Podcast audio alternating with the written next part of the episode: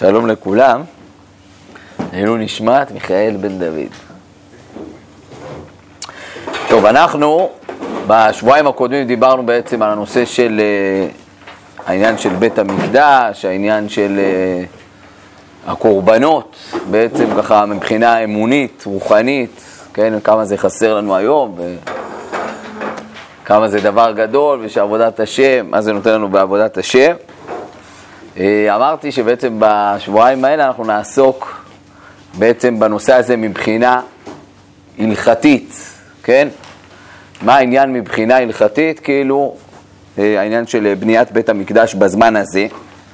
אז אתם יכולים לראות פה במקור מספר אחד, שכתוב, כן, הגמרא במסכת ראש השנה, כשהיא מדברת על התקנות, שורת התקנות שעשה רבן יוחנן בן זכאי אחרי חורבן בית המקדש כדי לזכור את בית המקדש, כן, שורת התקנות הן, אה, כן, למשל, זה שאנחנו בעצם נוטלים לולב לא רק ביום הראשון, שזה החיוב מהתורה בכל ארץ ישראל, אלא בעצם נוטלים לולב כל שבעת הימים, שזה זכר למקדש, כי רק על בית המקדש כתוב, ושמחתם לפני השם אלוקיכם שבעת ימים, וכן הלאה, יש לנו את שורת תקנות של בית המקדש, לזכור את בית המקדש, ובעצם כל העניין של אה, השלושה שבועות האלה שאנחנו נמצאים בהם, וכל העניין של אבלות החורבן שאנחנו עוסקים בה, הרי כל העניין בסוף זה לא רק לעשות סתם את המעשים, בסדר? בן אדם יכול אה, לא לאכול בשר שבעה, תשעה ימים וכולי וכולי, כן? אבל כל העניין זה בעצם לזכור את המקדש, כן? אז הגמרא מביאה פה, וזה מקור אחד, ומנהלן, מה המקור דאבדינן זכר למקדש שצריך לזכור את המקדש? דאמר קרא שכתוב בפסוק, כי אעלה ארוחה לך, כן, כלומר אני, ארוחה זה מלשון רפואה, אני אביא רפואה לך וממכותייך ארפאך נאום השם, ואני ארפא אותך ממכותייך, למה? כי נדחה קראו לך ציון היא דורשת לה, כן, כי קודם המציאות הייתה שלציון לא היה דורש, מכאן מדקדקת הגמרא מזה שכתוב בפסוק דבר לא טוב שאין דורש לציון, מכלל דבעי הדרישה, מכאן שצריך לדרוש את ציון, לזכור את ציון. עכשיו מי שמתבונן היטב, פה הוא מגלה שכבר בפסוקים כתוב שאותו זכר לציון, השאלה ככה, תמיד כשאתה זוכר את ציון, כלומר זוכר את uh, ירושלים נקראת ציון, כן, כלומר לא ירושלים סתם, אלא בית המקדש עצמו, נכון? רחם על ציון כי היא בית חיינו, כן? אז ציון זה בעצם בית חיינו, בית המקדש, הוא בית חיינו, כמו שדיברנו פעם הקודמת, שהוא השראת השכינה, הנשמה שיש לנו פה. אז יש מי שאצלו הזיכרון זה וואלה, זוכרים את העבר, כן? הוא מחפש תמיד להקים מוזיאון, בסדר? הוא רוצה להקים מוזיאון לעבר, מבחינתו זה משהו של פעם, מה? נוסטלגיה, זה זיכרון לעבר, בסדר? אתה יכול לראות ציורים הרבה פעמים של אה, בית המקדש, אז תמיד הציורים יהיו עם דמויות של אנשים ככה מימי בית שני כאלה, לבושים לא כמו, לא כמונו, אלא לבושים ככה עם גלימות, ואני יודע מה, כן, וכן הלאה, נראים כמו אנשים של פעם, והם ככה מסתכלים על בית המקדש. למה? כי בית המקדש זה זיכרון של פעם, כן?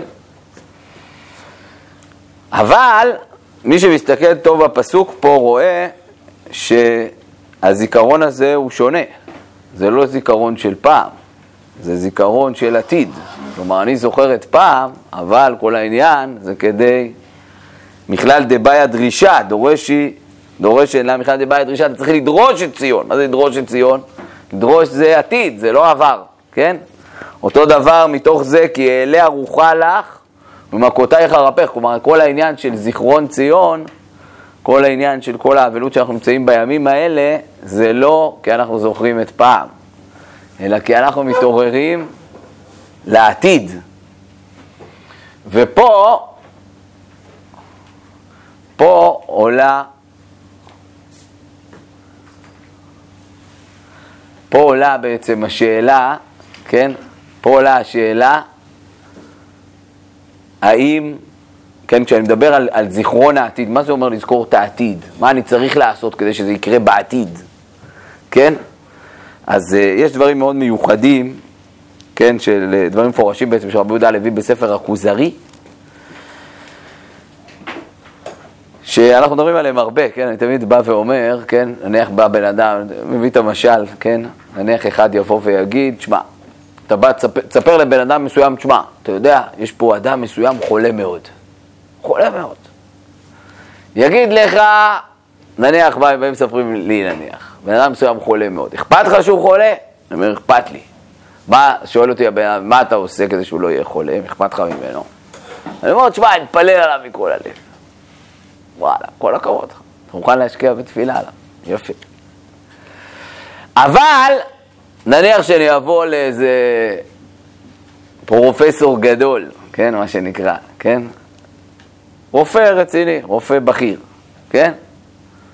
שהוא מומחה, והמומחיות שלו היא בתחום של המחלה הספציפית הזאת, שאותו חולה חולה. ואני אספר לו, אתה יודע, פלוני חולה. במה הוא חולה? חולה במחלה שאתה מומחה גדול בה, נרפא אותה. יגיד לי הפרופסור, וואי, כמה כואב לי שפלוני חולה. אני אגיד לו, ומה אתה מוכן לעשות בשבילו אם כל כך כואב לך? הוא יגיד לי, תפלל עליו. אז אני אגיד לו, לא אכפת לך ממנו בכלל. למה? מה, אתמול אמרת למישהו אחר שאכפת לו מאוד. לא, לא אכפת לך. למה לא אכפת לך? כי אתה יכול לקום, להזמין אותו אליך, לתת לו את התרופה הנכונה, לנתח אותו את הניתוח הנכון, אתה יכול לרפא אותו. אז אם אתה מתפלל עליו ולא מרפא אותו, סימן שלא אכפת לך ממנו. כן? כלומר, בעצם, אם אנחנו מדברים על דרישה לציון, אם אנחנו מדברים על דרישה לציון, כן? אם אנחנו מדברים על, על לדרוש את ציון, אז זה מאוד משמעותי, כן? מה אנחנו, לפי מה שאנחנו בעצם צריכים לעשות כדי לרפא את ציון ולפי היכולות שלנו, שם זה אומר שאנחנו באמת דורשים את ציון. כלפי מה הדברים אמורים, כן? אנחנו צריכים בעצם לבוא ולבחון האם יש לנו, אנחנו אומרים, אכפת לנו, אנחנו צריכים לעשות זכר למקדש, צריכים לדרוש את המקדש. אז, אז ככה, אם אנחנו מצווים בעצם לבנות מחדש את בית המקדש, ואנחנו לא עושים בשביל זה כלום, אז אנחנו יכולים להתאבל שלושה שבועות, ואנחנו יכולים לצום בתשעה באב.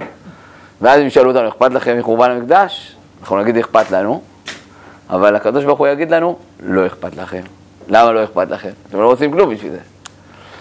אם באמת אנחנו לא אמורים, אז זה סימן שאכפת לנו, כן? אז לכן אנחנו צריכים לברר את הסוגיה של, הסוגיה הגדולה, אם אנחנו מצווים להקים את בית המקדש בזמן הזה, ואם אנחנו מצווים, מה אנחנו יכולים לעשות בשביל זה? בסדר? אני רוצה להביא פה דברים שאומר רבי יהודה הלוי על העניין הזה, אז הוא מדבר על לעלות לארץ, כי באמת בימיו זה מה שהוא יכול לעשות, לעלות לארץ. ואז הוא אומר, צריך לעלות לארץ ישראל, כן? ואז כשהוא אומר, אני צריך לעלות לארץ ישראל, כן? אמ, אז הוא אומר לו את הדבר הזה. אז, אז בא, בסוף ימיו הוא מספר ואומר, אני מתכוון לעלות, מה שאנחנו יודעים שרבי יהודה הלוי עשה באמת, כפשוטו. קם ועלה במסירות גדולה, וכידוע לפי האגדה, אז הוא אפילו מת בשערי ירושלים, כן? בא, הוא קרא את, את הקינה שהוא חיבר, ציונה לא תשאלי וכולי, כן? ואז היה איזה ערבי שהתעצבן עליו וקם והרג אותו, כן? לכן אם תסתכלו, המדרגות בכניסה לכותל נקראים מעלות רבי יהודה הלוי, כן? בגלל שלפי הסיפור הוא נרצח באזור, כן? ואז הוא מספר על עצמו, אחר הדברים האלה גמר החבר בליבו לצאת את ארץ הכוזר וללכת לירושלים. והכוזרי קשתה עליו פרידת החבר ודיבר עמו על כך באומרו מה יש לבקש בארץ ישראל היום? שהשכינה נעדרת ממנה. ואילו הקרבה לאלוקה לא אפשר להשיגה בכל מקום על ידי הלב הטהור. הוא אומר לו, הנה, העיקר שבלב אתה רוצה. ועל ידי התשוקה החזקה אליה. ולמה זה תכניס עצמך בסכנת המדברות והימים ושנאת העמים השונים? ואז באמת אומר החבר, אכן השכינה נראית עין בעין, אנחנו לא, לא באותה מדרגה, לא רואים אותו דבר, את השכינה בארץ ישראל, אבל השכינה נסתרת הרוחנית וכולי, היא כן, כן, ואז אומר לו הכוזרי, אז אולי באמת תסתפק רק בכוונה. הואיל ואתה מאמין בכל מה שאמרת, הרי אלוה יתברך יודע את כוונתך, ולפניו נגלו כל הנסתרות. אומר לו החבר, אמת, אבל רק בשעה שהמעשה הוא מן הנמנעות. מתי אפשר להסתפק בכוונה? כשאני לא יכול לעשות את המעשה. אבל אם אני יכול לעשות את המעשה, כן? יש לבוא איפה בטענה לאדם, מבקש להגיע לשכר הנגלה בלא מעשה נגלה. על כן נאמר, והראותם בחצוצרות ונזכרתם לפני השם אלוקיכם. כלומר, צריך כביכול להיזכר לפני השם לא רק בדיבור, אלא גם ממש לעשות מעשה, להריע בחצוצרות. ולכן בעצם הוא אומר, אני קם ועולה, כי אני לא יכול לדבר על ארץ ישראל, אני יכול לעלות אליה, ואני לא עולה אליה בפועל, לא עשיתי כלום. כן, ואז הוא אומר פה את המשפט, גם, כן, ו- ולפני זה בספר הוא כותב ש- שבאמת זה היה החטא של אנשי בית שני, שהם בעצם באו ואמרו, נסתפק בגעגועים מרחוק, ולא נעשה את זה בפועל. אכן מצאת מקום חרפתי מלך פוזר, כי אמנם חטא זהו אשר בגללו לא נתקיים הייעוד אשר יעד האלוק על הבית השני. רוני ושמחי בת ציון, כי הנני בא ושכנתי בתוכך נאום השם. בהתחלה השם רצה להשרות שכינתו במלואה בבית שני, הוא אומר את זה בעקבות דברי הגמרא. כי העניין האלוקי עמד לחול עליהם כבראשונה, אילו נענו כולם לקריאה ושבו לארץ ישראל בנפש חפצה. אבל רק מקצתם נענו, כן? אז, אז פה הוא מדבר, כן, על, על העניין הזה, כן? גם מי שמעורר בלב בני האדם אהבה למקום הקדוש הזה ראוי לשכר בלא ספק, והוא מקרב את בו תקוותנו. ככל שאנחנו מתעוררים לעניין, אז קרב את בו תקוותנו, כמה שנאמר, אתה תקום תרחם ציון, כי עת לחננה קיבה מועד. מתי הקדוש ברוך הוא ירחם על ציון? אבל כי רצו עבדיך את אבניה ואת עפרה יכוננו. כלומר, לא מספיק רק שמדברים על זה. בפועל באים לאבנים ולעפר שלה. זאת אומרת, ירושלים לא תיבנה, כי אם כאשר ישתוקקו עליה בני ישראל תכלית תשוקה, ולא מספיק רק התשוקה, עד אשר יכוננו את אבניה ואת עפרה. זה הוא מדבר על העלייה לארץ, אבל מתוך זה, כן, הואיל וצריך לעשות זכר למקדש, אז בעצם צריך לקום ו, ובעצם לעסוק גם בנושא של בניין המקדש בזמן הזה, כן? אנחנו צריכים להתעורר ו, ובעצם אה, לממש בעזרת השם, כן, צריכים לברר את זה, איך עושים את זה, מה עושים, אם עושים וכולי, אבל אם באמת אנחנו מצווים על העניין, אז ממילא אנחנו לא יכולים להסתפק רק באבלות, אלא כל האבלות צריכה להיות מתורגמת למימוש הדבר, כן, כמו שקראתי פה, כן, בעצם ירושלים לא תיבנה, כי אם כאשר נחשפו אליה, אבל גם מתוך זה ירצו את אבניה, ואז בדור שלנו זה עליית מדרגה של לרצות את אבניה, זה לבנות את המקדש. אז בואו בוא, בוא נברר בעצם את אותה מצוות בניית המקדש, האם היא קיימת בזמן הזה, נביא ראיות קצת לכאן ולכאן, לא נספיק את הכל היום, נמשיך בעזרת השם, אני מקווה שכבר לא נצטרך, כלומר אנחנו נמשיך בשבוע הבא, אבל כבר זה יהיה מתוך שנבנה כפשוטו את המקדש. אז בואו נראה את הדברים, כן? אז זה הדף שפה לפניכם, כן? אני חוזר ומזכיר, כן? שלעניין הזה התעוררו גדולי ישראל כבר בדורות קדמונים, הם התעוררו אפילו עם מציאות, כלומר, התעוררות אחת זה להתעורר, האם יש מצווה לבנות המקדש. בדורות קדמונים לא תמיד הייתה את האפשרות, אולי גם בדור שלנו עדיין לצערנו אין את האפשרות, אבל הם התעוררו גם לשאלה נוספת בעצם. אולי מקדש אני לא יכול, אבל לפחות אני יכול קורבנות. האם הקורבנות תלויים במקדש? אז בואו נראה כבר התעוררויות שהיו בדורות קדמונים, בואו נקרא פה את דברי הכפתור והפרח. רב תור הפרח חי לפני 700 שנה. הוא היה חי בבית שאן, רבי שטורי הפרחי. והוא מתאר תיאור איך הוא הלך כנראה להראות את הכתב יד של הספר לרבי ברוך, שכנראה היה אחד מגדולי ישראל שגר בירושלים. ואז הוא מתאר, כן, בואו בוא נראה את התיאור הזה, במקור 16. אחר שהעניין כן, זה בצד השני של הדף, כן? ספר כפתור אפר, פרק ו'. הנכנס היום, הוא מברר את העניין שהקדושה עדיין חלה גם בהר הבית, גם כשהוא חרב. ולכן מי שנכנס לחלק בהר הבית, שזה מקום האזהרה, הוא, שזה החלק שאסור לטמאי מתים, הנכנס היום שאנו טמאים במקום הבית חייב כרת, בסדר? כי הראב"ד אמר שלא חייב. למה? כי כאילו אין שם כרגע את אותה קדושה. אז לא חייב, והוא פוסק כמו הרמב"ם שחייב, בסדר? שהקדושה חלה. וממילא, כן, והסכים בזה מורנו הרב ברוך ז"ל. גם כי אמר אליי בירושלים, מספר פה סיפור, כשהבאתי אליו זה הספר לעבור עליו ולהגיעו, שרבנו יחיאל דה פריזן, בסדר? רבנו יחיאל היה אחד מגדולי בעלי התוספות, בסדר? מפריז, וגם עלה לארץ ישראל בעקבות ששרפו את כל ספרי התלמוד ומפרשיו בצרפת, אז הוא והישיבה שלו עלו פה לארץ ישראל. אמר לבוא לירושלים, כן? והוא בשנת 17 לאלף השישי, הוא ממש נוקט מספר, בסדר? ה' אלפים י"ז, אם אנחנו היום תשפ"ב, זה אומר, אנחנו היום 782, תעשו חשבון, 765 שנה. בדיוק לפני 765 שנה, רבנו יחיינו מפריז רצה לעלות לירושלים ולהקריב קורבנות, ושיקריב קורבנות בזמן הזה. ואני מטרדתי להשלים עמו המלאכה, לא שהלטיב מה נעשה מטומאתנו. מתחיל לעלות פה שאלות, אומר, בסדר, נניח אפילו אפשר להקריב קורבנות. יש עוד בעיות הלכתיות. מה עם זה שאנחנו טמאים? ואנה הכהן המיוחס? צריך כהנים, כהן צריך להיות מיוחס, אני צריך לדעת שהוא באמת כהן. מי אמר שהוא באמת כהן? אולי הוא לא באמת כהן. אתם יודעים שמסופר על... אה, יש באיזה מקור, אני זוכר עכשיו איפה, שהיה פעם, היה, היה, היה מנהג בזמן הגאונים, גם היו עושים זכר לעלייה לרגל ברגלים, היו עולים, לא יכלו להיכנס לירושלים, היו מקיפים את הר הזיתים, כנראה שגם הושענא רבה, היו אפילו מקיפים שבע פעמים, זה אזור מסוים כנראה בהר הזיתים, ובראש כל העולים היו הולכים הכוהנים בבגדי כבוד, כך מסופר. ואז יש שם סיפור, לא זוכר, אולי באמת רב וייגאון, קיצר, שהתגלה אליו אליהו הנביא. ואז הוא שאל אותו, מי מפה כהנים אמיתיים? כהן אמיתי. הוא אומר, תשמע, כל השלוש, יש פה שלוש מאות כהנים הולכים בגדי כבוד בראש, הם כולם לא כהנים באמת. מי כן כהן? אמר לו, אתה רואה, יש שם איזה כהן אחד בעל מום, שהם מבזים אותו, שמים אותו בצד, הוא הכהן האמיתי היחידי. בקיצור, אז אולי לא פשוט, אולי לא כל כהן הוא באמת כהן, כן? מה אנחנו יודעים, כן? אז האם אפשר לסמוך עליו? בסדר, פתרנו את כל הבעיות, אפשר לסמוך עליו שבאמת אה, הוא יכול להקריב.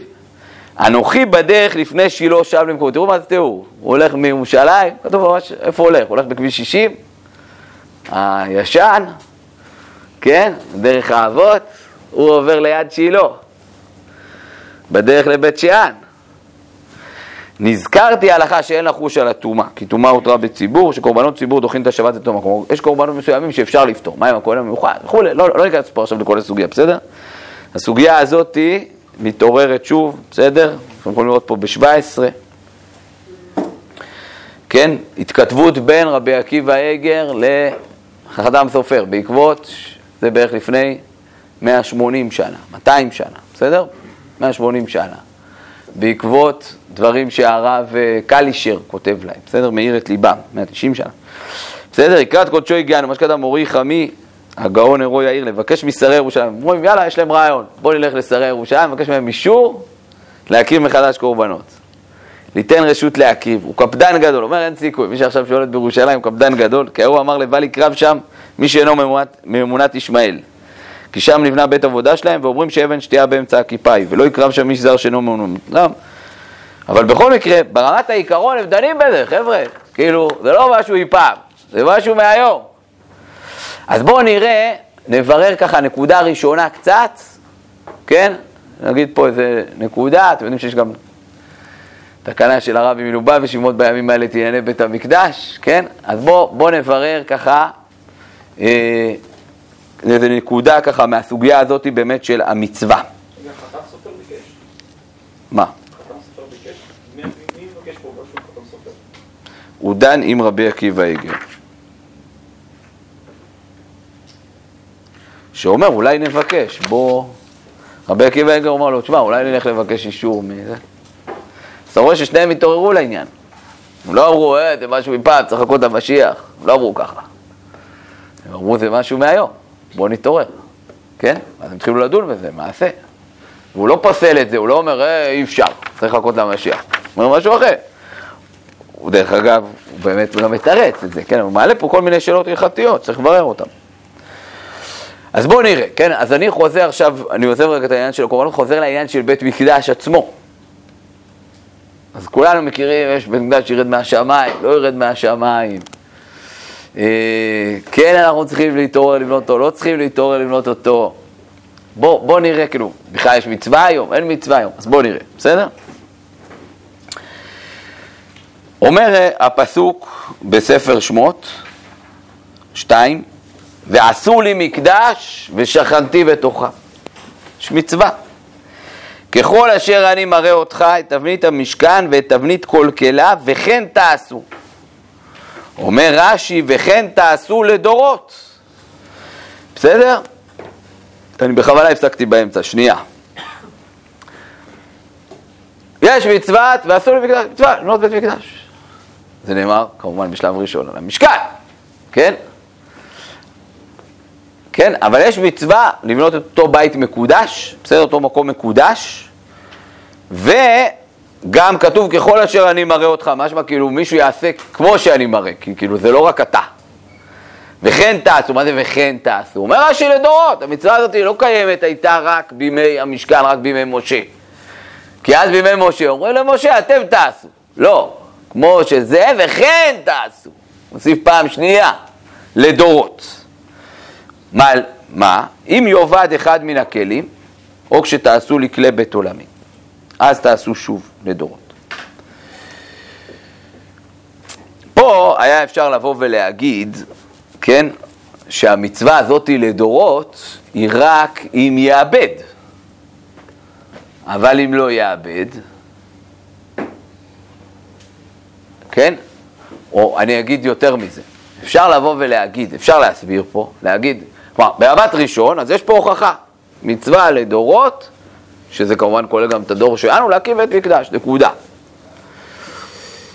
הפורך יכול לבוא פה ולפרוח ולהגיד, תראה, כתוב, אולי, זה רק שאם אנחנו בונים, למה? כי הגיע המשיח, כי, אה, כי יש איזה ציווי על פי נביא, אז באים ואומרים לך, את הכלים שתבנה אז, תבנה במתכונת של הכלים האלה. כן? ככל אשר אני מראה אותך. אפשר לטעון כזאת טענה, היא כמובן דחוקה, יותר פשוט להגיד, כן? מצווה לדורות. כן? וכן תעשו, ושוב פעם, ברש"י גם במסכת שבועות, קרא את למדרש לדורות. רק יכול להיות שבאמת כן צריך, אבל מלך, נביא, כהן גדול, הורים וטובים שבעים זקנים. כלומר, יש הגדרות איך לעשות את זה. שהשאלה אם ההגדרות האלה קיימות בימינו. נבדוק בהמשך מה כל אחד מהראשונים אומר. לא נספיק את זה היום. בואו נמשיך. מי שוודאי פסק את זה בפועל, אומר לך, תשמע, תכל'ס זה מצווה לדורות, זה הרמב"ם. בואו נקרא את זה בארבע. והמצווה העשרימי שציוונו לבנות בית עבודה. בו יהיה הקרבה והעברת האש תמיד ואליו יהיה הליכה והעלייה לרגל והקיבוץ בכל שנה כמו שהתברר ואומרו יתעלה ועשו לי מקדש נקודה שלום לא מתחיל לחלק לחילוקים לפעמים יש את המצווה לפעמים אין את המצווה צריך לחכות שירד מהשמיים לא יורד מהשמיים אומר לך אתה יש מצווה נגמר זהו אין מה להתווכח יש מצווה שלום מה? מה זה? אה, מה? כבר אמרתי לך, הוא כותב שם שנייה, קודם כל הוא לא אומר שמישהו אחר לא יבנה. שתיים, הוא אומר מקבץ נדחי ישראל, בגלל זה אסור לנו לעלות לארץ. וחוץ מזה, איננו הרואות שהתקבצנו. אז זהו, כולם עכשיו אומרים לצאת ולחזור. מה? מה זה? בסדר, אז אותו דבר אפשר להבין שעד אליו זה ייגמר לבנות. הוא לא כותב את זה, בתנאים ההלכתיים בשום מקום הוא לא, הוא לא כותב, נניח בשש. עוד רגע נראה, כן? הוא לא כותב לך בשום מקום כתנאי הלכתי, שנייה, נראה את שבע, יש פה את שבע, שזה בכלל משהו אחר. אבל הוא לא כותב, כן, הוא לא כותב בשום מקום, כן, שזה תלוי במשיח. הוא אומר לך מציאות, כן, שהמשיח יעשה, ואפשר לבאר את המציאות הזאת שכוונה, שעד אליו חייב להיות, ואם הוא לא יצליח, אז סימן שזה לא הוא. כן? אז, אה, אז אותו דבר במקור 6, בואו נראה, מצוות עשה, לעשות בית להשם, מוכן להיות מקריבים בו הקורבנות. מצווה כזאת, וחוגגים אליו שלוש פעמים בשנה, שנאמר ועשו לי מקדש. יפה. כנגד האמירה הזאת, בואו נביא אמירה שהיא מופיעה כאמירה הלכתית, בסדר? יש גמרא במסכת סוכה, סליחה, במסכת סנהדרין, אבל אפשר לראות אותה היא מופיעה פה גם בחמש וגם בשבע, אני אקרא רגע משבע, בסדר? בשבע כתוב ככה, שלוש מצוות, זה לא בדיוק סותר, כן? שלוש מצוות נצטוו ישראל בשעת כניסתם לארץ. למנות להם מלך, שנאמר, שום תשים עליך מלך. ולהחריץ זרעו של עמלק, שנאמר, תמחה את זכר עמלק, ולבנות בית הבחירה, שנאמר, לשיר לא תדרשו ובאת שמה. בסדר? זה כמובן שלוש מצוות, הכוונה שלוש מצוות כלליות, על כלל העם, בסדר? כי ברור שיש עוד המון מצוות שאנחנו מקיימים פה בארץ, אבל מצוות שכל אחד מקדם באופן יחידי, תרומות, מעשרות, שמיטה, עורלה וכולי, כן? אבל זה שלוש מצוות כלליות שהעם כעם מקיים, הרי יש דברים שאתה לא כל אחד יכול לעשות לבד, בסדר? אלא העם כעם יכול להעמיד מלך, כן? לא כל אחד מעמיד את המלך של עצמו, כן? וכן הלאה, להחריד זרעו של עמלק וכן הלאה, בסדר? יפי. עכשיו, כתוב פה ככה, אני ממשיך בשבע, מינוי מלך, זה על פי הגמרא בסנהדרין, מינוי מלך קודם למלחמת עמלק, שנאמר, אותי שלח השם למשוכך למלך, נאמר אצל שאול, ורק אחרי זה אתה לך והכית את עמלק. כלומר, למה לא החריטו את עמלק מיד כשנכנסו לארץ? כי צריך קודם למנות מלך.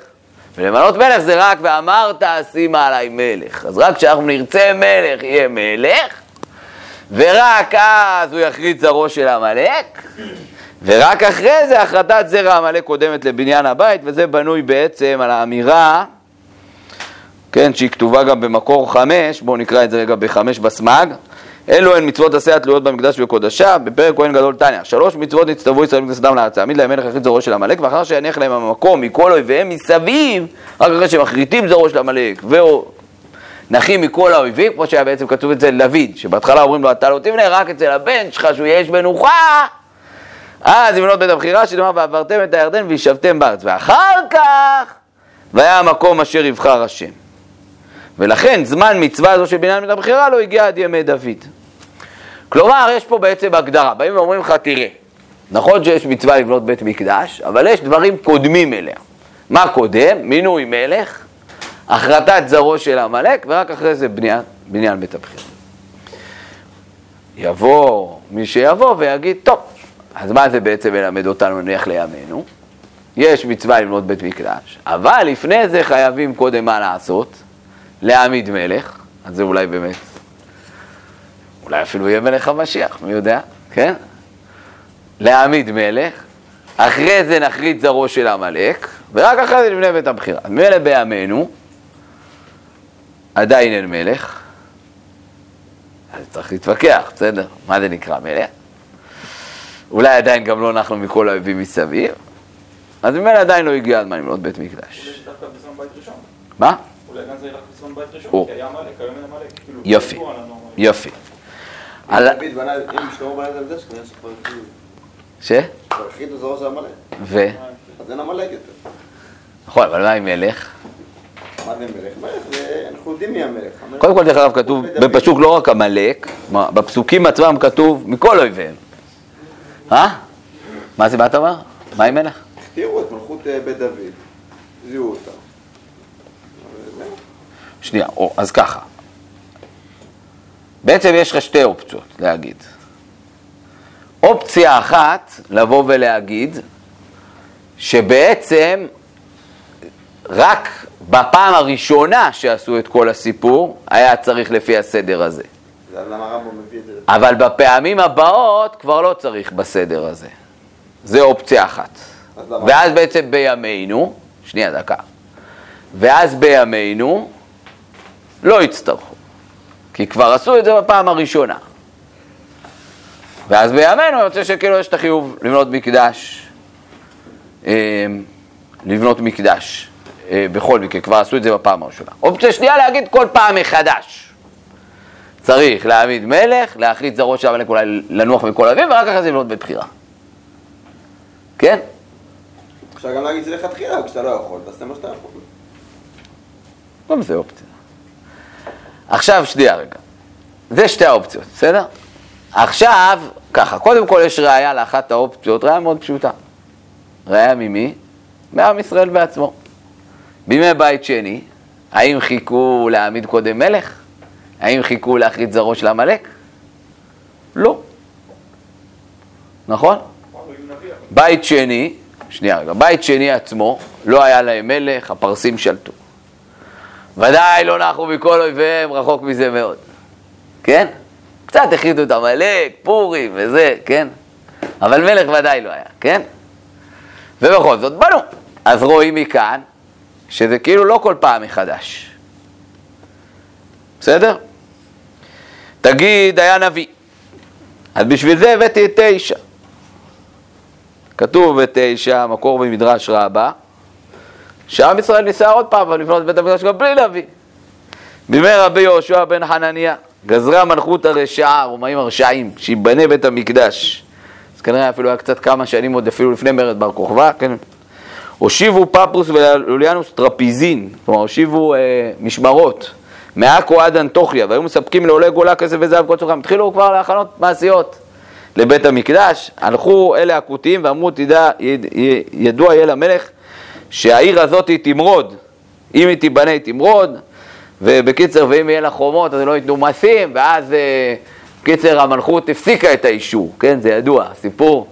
ואז אה, העם רצה למרוד, ואז בא רבי יהושע בן חנניה, אמר לו משל, האריה פרסם שהוא אכל אה, טרף ונתקע לו עצם בגרון. אז הוא אמר, מי שיוציא לי את העצם מהגרון, ייתן לו איזה פרס מאוד גדול. באה החסידה, הכניסה את הפה, הוציאה את העצם, זהו. כן? מה הפרס? אמר, הפרס שלך שנכנסת ל... נכנסת לפה בשלום ויצאת בשלום. אותו דבר אמר, יאללה, כאילו, חבר'ה, תרגיעו. הפרס שלנו שהם לא עשו לנו הוצאות יותר קשות, אין לנו, כאילו, כן, אבל רואים שבמקור, כשנתנו להם אישור לבנות בית מקדש, הם בנו בית מקדש, ולא היה שם נביא. הם תכננו לבנות לפחות. מה גזירה? זה גזירה. זה גזירה? זה לא הפשט. הפשט שנתנו אישור, זה הכוונה, גזרה. זה לא שהכריחו אותם, הם לא רצו לבנות במקדש. אז נו, אם היית צודק, דרך אגב, רבי יהושע בן חנניה אומר את זה. מצוין, שמנע אותנו מעבירה. רצו שנבנת בית המקדש שהשם לא רוצה. הוא לא אמר ככה. כן? אז רואים מכאן, ש... עכשיו אני רוצה להביא פה, לעניות דעתי, עוד אמירה, בסדר? שמוכיחה את העניין, וזה נסיים. בסדר, נכון, זה עוד דיון. אני פה דן אפילו ממש על בית המקדש עצמו. בסדר? אז יש פה בעצם אמירה, כן? ש... עכשיו ככה, אם נסתכל טוב, יש פה את הפסוקים שמהם מביאים ראיה. יש פה כאילו קושייה מאוד גדולה על הרמב"ם. אם תסתכלו במקור 4, סליחה, לא במקור 4, במקור 6.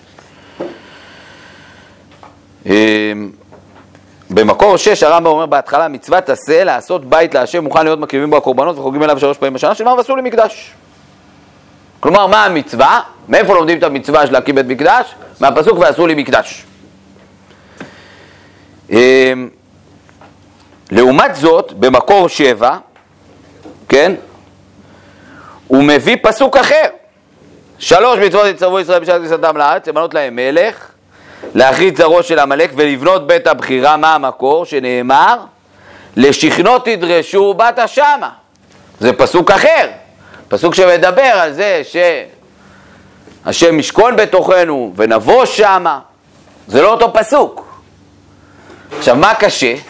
קשה עוד יותר שהרמב"ם במקור שבע, הרי הוא בנוי על גמרא, שמדברת על שלוש מצוות יצטרפו ישראל וכו'. בואו נבדוק מה הפסוק בגמרא. הפסוק בגמרא בכלל נמצא בסבג, פסוק אחר בכלל.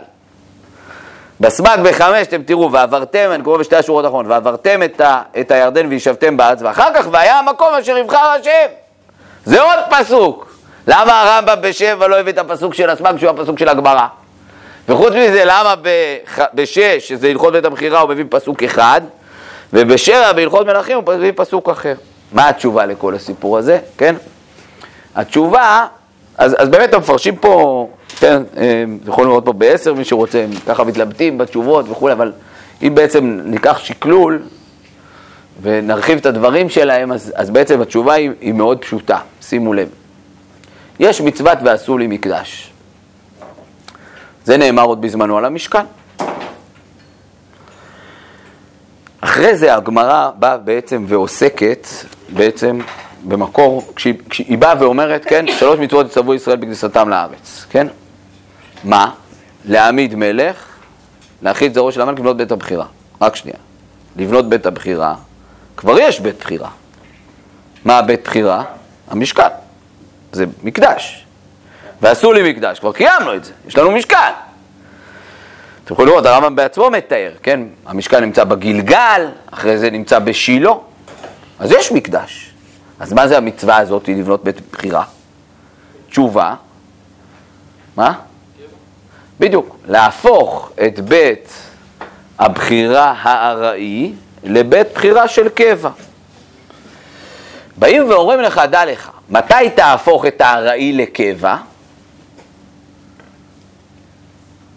אחרי שתעמיד מלך ותכרית זרעו של עמלק. לפני זה אתה לא יכול להפוך את זה לקבע. בסדר. לכן זה גם פסוק אחר. אבל מה? אומר הרמב"ם, תראו,